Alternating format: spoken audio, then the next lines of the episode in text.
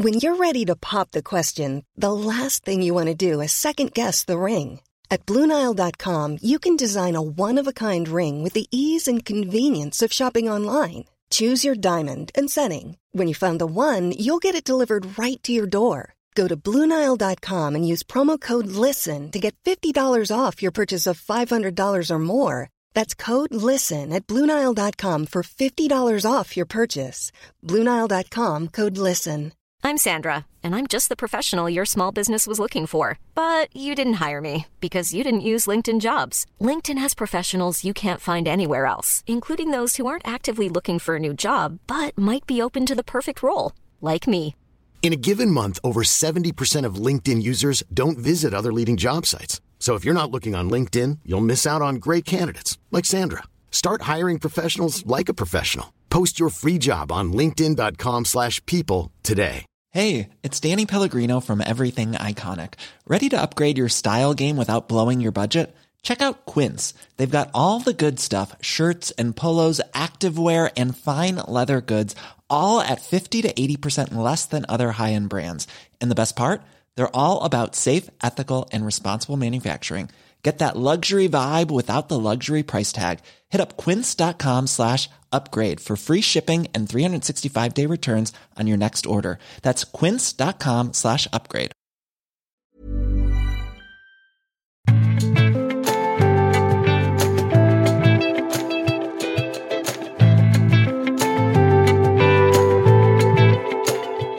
Hvorfor skaper kristne skolelag støy? Dette er Tore og Tarjei, en podkast fra dagen.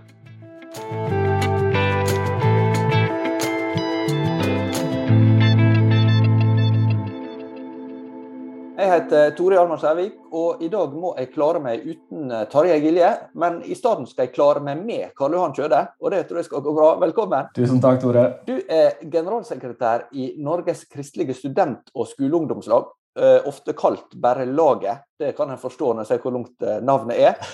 Eh, men de siste ukene så har organisasjonen deres vært i vinden pga. Ja, uro, må vi kunne si, rundt et skolelag i Sogndal kommune. Eh, på Sagatun ungdomsskole.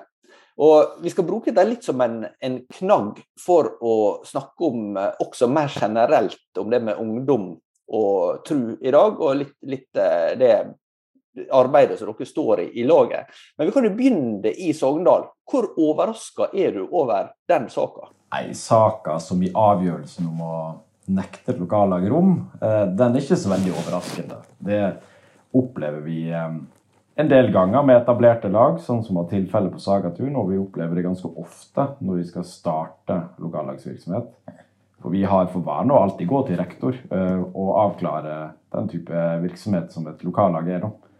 Så det er ikke overraskende at eh, det finnes eh, skoleledere eller kommunedirektører som ønsker å legge restriksjoner på lagene, men måten de begrunna det på, i det tilfellet her, og måten de gjorde det skriftlig på, og at de så hardnakka holdt fast ved det hele tida, det, det var litt overraskende. Men var også med på å synliggjøre en utfordring som jo er reell mange plasser. Dette har jo fått ganske mye medieoppmerksomhet. Hva syns du sjøl har vært det mest sånn interessante med, med den mediedekninga som har vært? Jeg syns det er veldig gøy at ungdommene sjøl i Sagatun-laget har eh, måte blitt et ansikt for det de holder på med. Da. Og gjennom det her illustrative bildet også, som har versert i mange medier, av at eh, de sitter ute på kunstgresset under paraplyer og spiser lunsjpakkene sine sant? og bare snakker helt normalt om troa si. Det er jo så talende for både hva et egentlig lag er, og også hvor ekstremt lite farlig det er. For det som jo ofte skjer i sånne saker, er at eh, en får noen store og luftige anklager i disse skriftlige begrunnelsene om at det foregår forkynnelse på skolen, og at det fører til splittelse og krenking og diskriminering. Og så har du på ene sida en part som kommer med den type påstander, og på andre sida så har du den der parten bestående av 14-15-åringer som bare er helt normale ungdommer som vil snakke om noe som er viktig for dem.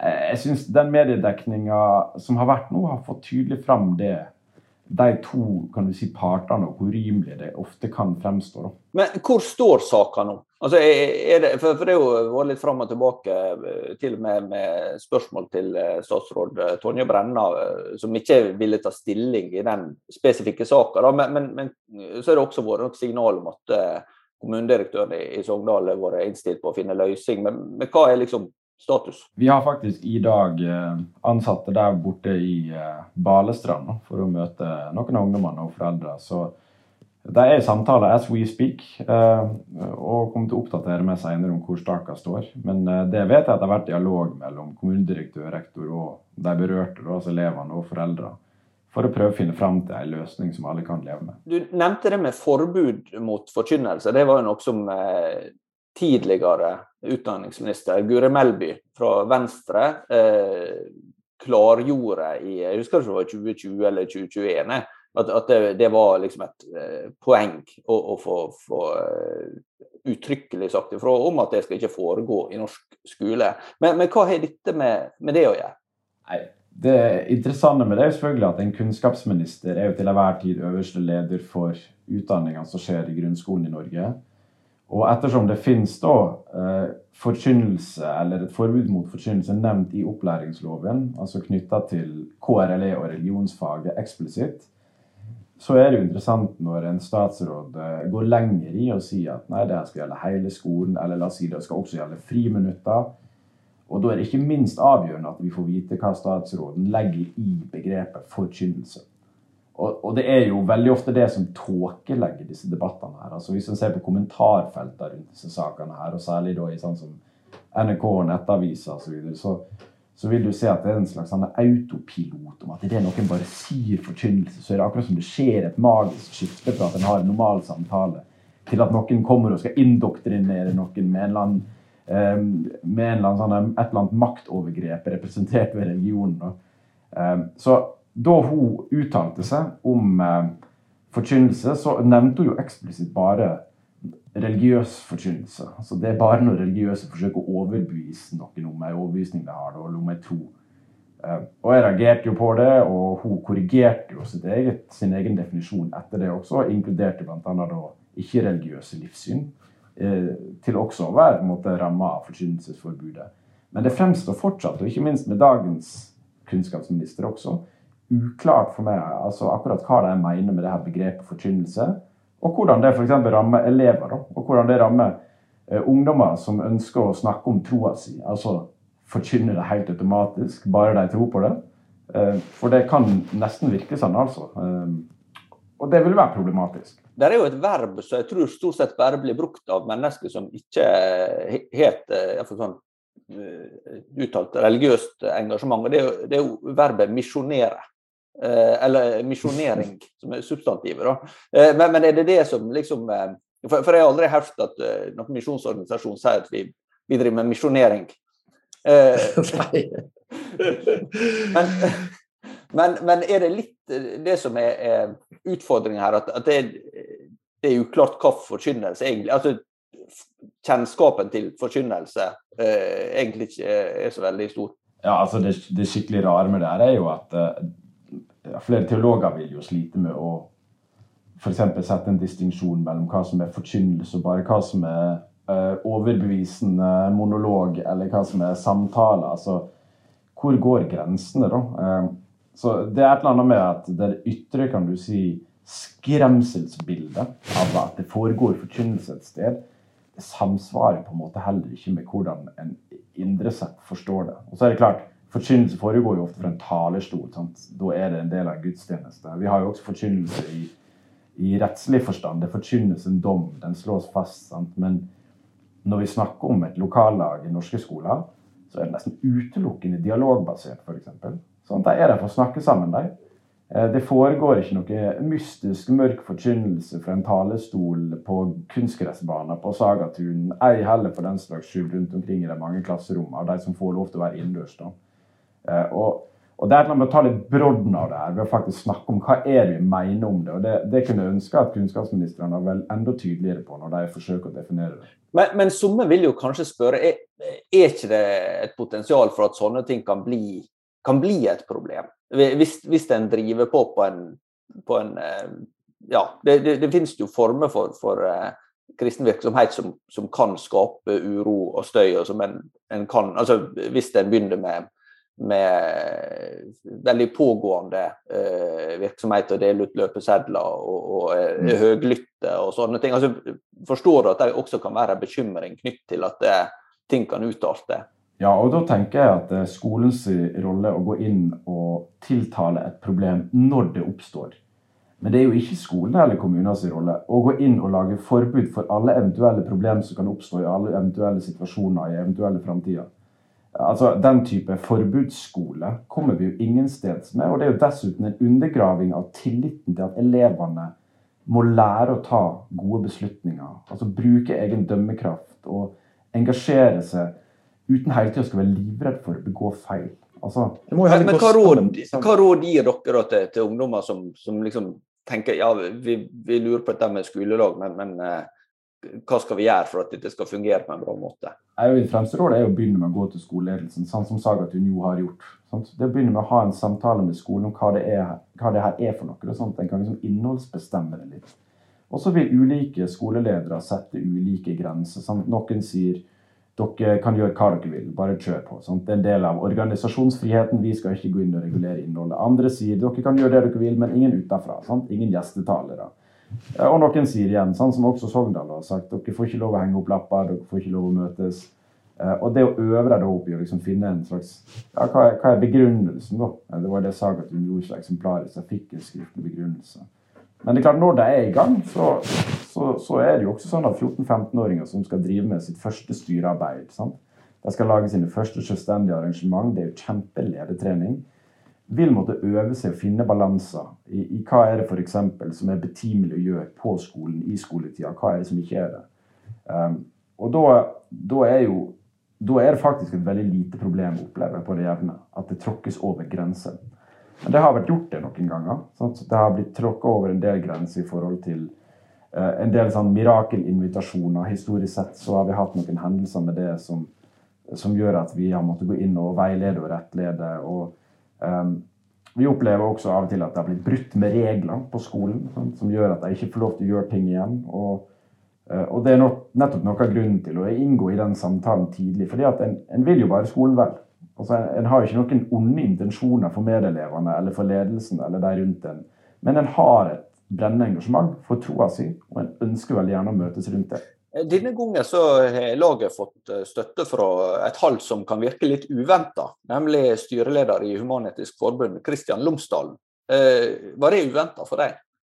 Vi har stått sammen med Kristian og Human-Etisk Forbund bl.a. i saker knytta til Høgskolen i Vestlandet bare for noen måneder siden, der vi jo har felles front i at ingen av oss får lov til å informere på Høgskolen Vestlandet fordi vi representerer livssynsinteresse. Altså, hvis du driver med triviell oktoberfest, eller du skal arrangere fyllefest i fadderuka, eller hva det er, så er det helt greit for Høgskolen Vestlandet, så lenge det ikke har med dype, viktige spørsmål å gjøre. Da skal du altså ikke stå på stand. Uh, og de har jo også støttet oss i forhold til saken med en tilsvarende sak med Universitetet i Sørøst-Norge. Så jeg opplever at Humanitisk Forbund i sånne saker også er i stand til å tenke prinsipielt og se at det her, selv om de, som han sier, ikke nødvendigvis er aktivitet som han liker, så er det aktivitet som han tenker at det må man slippe til. Eh, enkelte husker kanskje den såkalte bollesaka i Sirdal i 2019. Da eh, var det kommuner som, eh, som altså Sirdal kommune som ikke ville la skolelaget der servere boller, for at de mente det bokstavelig talt kunne fungere som lokkemat på Tonstad ungdomsskole. Hvordan løste den saka seg? Nei, altså, De fikk jo lov å de fikk jo lov å fortsette å ha lagsmøte, for det første. Og de fikk lov å spise boller, så vidt vi er bekjent, også i etterkant av det. Men eh, det var altså sånn at saka gikk jo en del runder, da. Eh, og det er jo igjen det her med å tilskrive ungdommer de verst tenkelige motiv før du overhodet har snakka med dem. Altså, det er jo noe av den tendensen jeg syns er litt sånn lei da, eh, i, ja, når skoler har innført den type forbud uten nevneverdig dialog. Så det var en morsom sak, det. Og det er klart den har visse likheter med den saken vi ser nå, da. Men, men, når du sier at det, dette er sånn som dere ser fra, fra tid til annen, hvor vanlig vil du si det at dere har sånne, sånne situasjoner? I løpet av et vanlig skoleår, hvor, hvor ofte skjer det? situasjoner med at det ilegges det jeg vil kalle urimelige begrensninger, og at det er begrunna med at det er religiøst motivert aktivitet som har religion som sitt endemål, det, det møter vi på ganske regelmessig. altså. Det vil si at akkurat nå har vi saker på skoler som eh, iallfall i en tre-fire fylker eh, som vi kunne ta tak i, sant? og der vi nå jobber med å skriftliggjøre eh, disse vedtakene eller den umiddelbare responsen fra skoleleder. Og, og det skjer, på, skjer, over hele landet og er jo selvfølgelig kanskje hyppigst der, mest, der hvor vi har mest arbeid. Um, men her i Oslo så er, så er på en måte så har jo saka tatt den, tok den saka den vendinga at i 2019 så anka vi sammen med LNU, altså Landsrådet for norske ungdomsorganisasjoner, et avslag fra en rektor da, som ikke ønska religiøs elevfrivillighet på den videregående skolen som han leder, på Fyrstikkalleen 21. Um, og hvor vi anka altså, via Utdanningsdirektoratet og helt til byrådsnivå, og likevel fikk avslag på anken. Som gjør at her i Oslo for eksempel, så er det jo en presedens for at det er greit å det, det, er greit å forskjellsbehandle religiøs elevfrivillighet fra annen elevfrivillighet.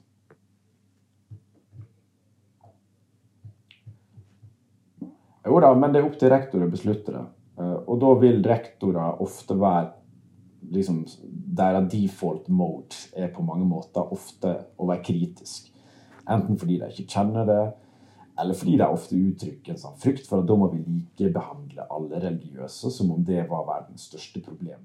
Eh, hva tenker du at dette er uttrykk for, at, at det er blitt mer kontroversielt med, med religiøs aktivitet i skoletida? Jeg tror jeg brukte eh, et uttrykk som religiøs skrekkhistorie da jeg skrev et leserinnlegg for et års tid siden. Da var det knytta til arrangementet Descend og en del av kritikken som har kommet i forkant av det. Og Noe av det som er påpekte da, er at det verserer veldig mange fortellinger i filmer, i TV-serier, i aviser knytta til religiøse mennesker og religion, og hvordan det representerer en uting.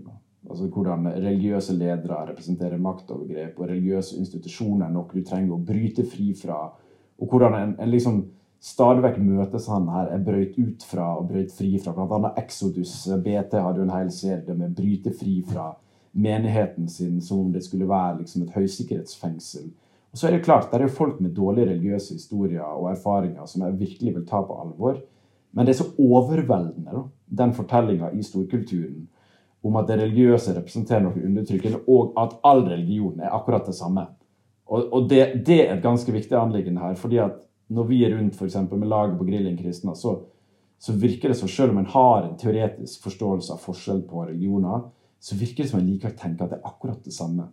Eh, så det er rett og slett en manglende kompetanse på religion i samfunnet vårt. Altså. Det, det, er vel din eh, kollega Bjørn Are Davidsen som oppsummerte sånn all religion er like ille, særlig kristendom. Ja, godt sagt. Men, men eh, hva tenker du at laget kan gjøre med det? For at, en kan jo på ene sida måtte beklage at det er slik, men en kan også ha en mulighet til å korrigere et inntrykk, kanskje? Ja, og det mener jeg at vi bidrar til når vi støtter ungdommer i å kunne møtes i hverdagen sin. De som er de beste representantene for sin tro, der hvor de er. Og den beste liksom, motmedisinen, da, eller eh, den, den beste hva, hva, heter det? da? Motmedisin, det høres rart ut. beste medisinen for den der religionsallergien da, som mange sekulære mennesker bærer med seg, det er jo bare å møte et helt vanlig troende menneske. Og i de aller fleste tilfeller oppdager at oi, disse her forestillingene var jo så langt som det overhodet er mulig å komme fra hvordan det kristne mennesket oppfattes, og hvordan de lever livet sine. Så ved å bare være til stede, der hvor jo unge mennesker bruker stor del av hverdagen sin, på skolen, på studiesteder senere også, og, og være med å utruste og styrke folk til å også løfte fram troa si der uten å gjemme henne. For det har jo vært mange sin Altså Det har vært tendensen vi har sett, og mange sin på en måte reaksjon mot skepsisen. det at ja, men da gjemmer vi det bare. Men, men i stedet for å gjemme det, heller leve åpent med det. Snakke om det som det var naturlig for det. Og, uh, og kanskje kan det også være en støtte når vi kommer inn med en del sånn arrangement som offentliggjøres, og der vi kan fremstå på en troverdig og attraktiv måte i møte med også skoler og studiesteder. Eh, I en kronikk i Fedrelandsvennen i fjor så skrev eh, professor eh, Pål Kjetil Botvar, som er jo en av Norges fremste religionssosiologer, at han har vært med på å gjennomføre en undersøkelse blant 1000 18-åringer i videregående skole i Oslo-området. Og Temaet for undersøkelsen det var religion og menneskerettigheter. Og det Et av de tingene som overraska Botvar, det var at mange var skeptiske til religiøse uttrykk i form av hijab blant lærere, gatemisjonering, bønnesamlinger på skole eh, og offentlige religiøse møter. Eh, og Han eh, skriver faktisk at eksemplene vi spurte om i undersøkelsen, tok for seg forhold som lenge har vært lovlig praktisert i Norge. Likevel mente mange unge at myndighetene bør sette stopper for slike aktiviteter. F.eks. var 42 imot at elevene skulle ha mulighet til å samles til bønn i skolens friminutt. 27 var for, mens resten var usikre. Hva tenker du om det? Jeg tenker at det er et uttrykk for at den trenden har pågått over tid, og at i den generasjonen så er de ikke engang vant til å høre motforestilling til disse fortellingene. Så det å da faktisk gi det et ansikt på hvordan eh, bønn ikke er en sånn her truende eh, liksom eh, segregerende aktivitet for en kristen, men for en kristen så er det en omsorg for Gud og en omsorg for mennesket som ligger bak det. Det er ikke et trusselbilde om en bestemt form å gjøre det på, men det er noe som vi opplever at det er frihet i. det. Og det å gi folk førstehåndserfaringer med det, altså nettopp gjennom skolelag, tror jeg faktisk er en god eh, ja, medisinering mot den som jo er oppfattet som intoleransen, da, som han plukker opp. Intoleransen i møte med det religiøse mangfoldet som oppstår i et sekulært Norge i dag. Redaktøren i Sogn Avis eh, har også kommentert saka. Bl.a. Så, så mente han at det, det, det, er ikke alltid Kristen-Norge viser seg på sitt mest sympatiske når en reagerer på f.eks. den saka som har vært der. Da. Eh, hvordan oppfatter du en sånn innvending? Nei, altså jeg synes det, det, er en rimelig antagelse, eh, og, og det er sikkert erfaringsbasert også at det øyeblikket det kom opp en del saker om ting som truer vår kristne arv, eller eh, at vi taper privilegier som kristne samfunn, så er det en del som reagerer med frykt, og på dårlige måter. Eh, jeg har også sett veldig mange dårlige kommentarer fra kristne knytta til den type saker, og vil ikke nøle med å si meg enig. Eh, at det, sånn sett så, er det ikke bare pent, det som skjer når det ser ut til å bli mer sånn kulturkrig enn kristen etterfølgelse. På andre sida syns du det er skikkelig avsporing fra han i den saken her, hvor det er så åpenbart at uh, nettopp kommuner har trådt feil. Kommuner representerer makta. Elevene hadde forsøkt i det tilfellet her både å gå til administrasjonen og via politikere. Hadde ikke nådd fram, så de gikk til moderorganisasjonen sin.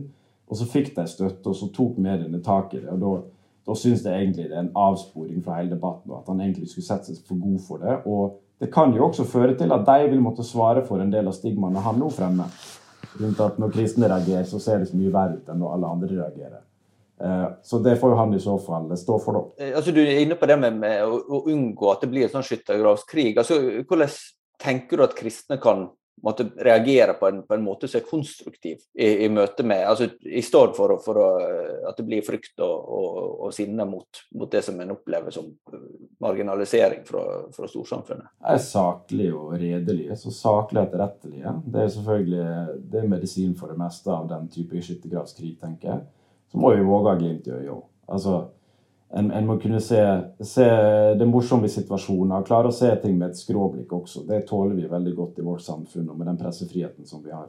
Eh, når det gjelder det med unge og tru, tar litt om det til slutt. Altså, hvordan opplever du at, at uh, unge mennesker ser sin rolle og sin situasjon? Altså, det er jo sammensett og variert, da, men, men, men det sto, litt det store bildet med de dere jobber blant, med det å være kristen i Norge i dag, hva er på en måte det de er opptatt av, hva er det de ser som sine viktigste utfordringer, hva, hva spørsmål er sentrale osv.? Ja, det var et stort spørsmål, eh, Tore, det må jeg si.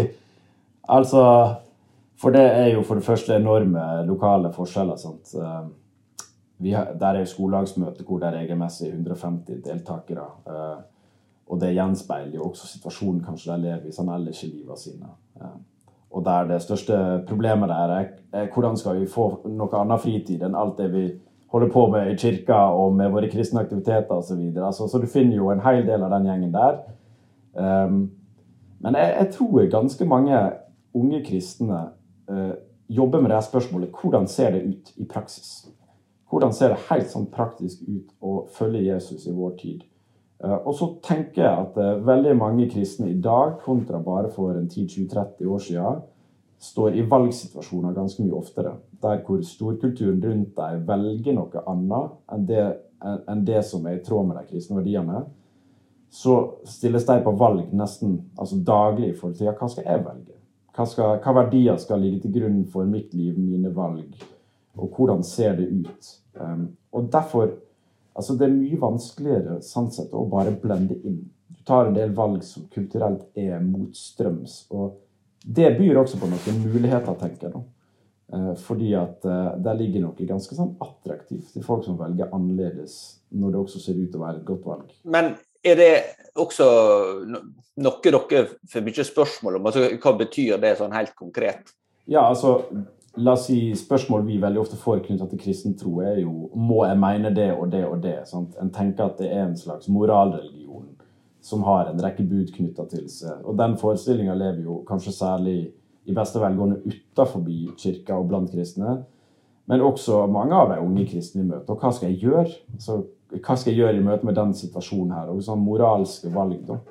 Eh, og ofte opplever jeg at det er et savn etter kristne forbilder. Altså eldre, litt eldre mennesker enn deg, som har gått lenger enn deg på akkurat det området. Og som er villige til å være med deg og vise deg veien. At jeg savner rett og slett det. da. Så mye av det vi jobber med, er jo, er jo selvfølgelig legge til rette for fellesskap for elever og studenter i skolestyrehverdagen. Men også legge til rette for ledetrening. altså Det å ha noen å gå sammen med. Så vi har f.eks. disippelgrupper sånn, rundt omkring i hele landet der folk forplikter seg over tid til å gå sammen med noen og utforske det. Hvordan ser det ut å være en lærling av Jesus? Takk skal du ha, Karl Johan Kjøre, for at du var med oss i dag. Og så eh, får vi eh, følge med videre og se hva utfallet blir i eh, Sagatun-saka. Sagaen er ikke over. Og så eh, høres vi igjen i neste uke med en ny episode. Takk for i dag.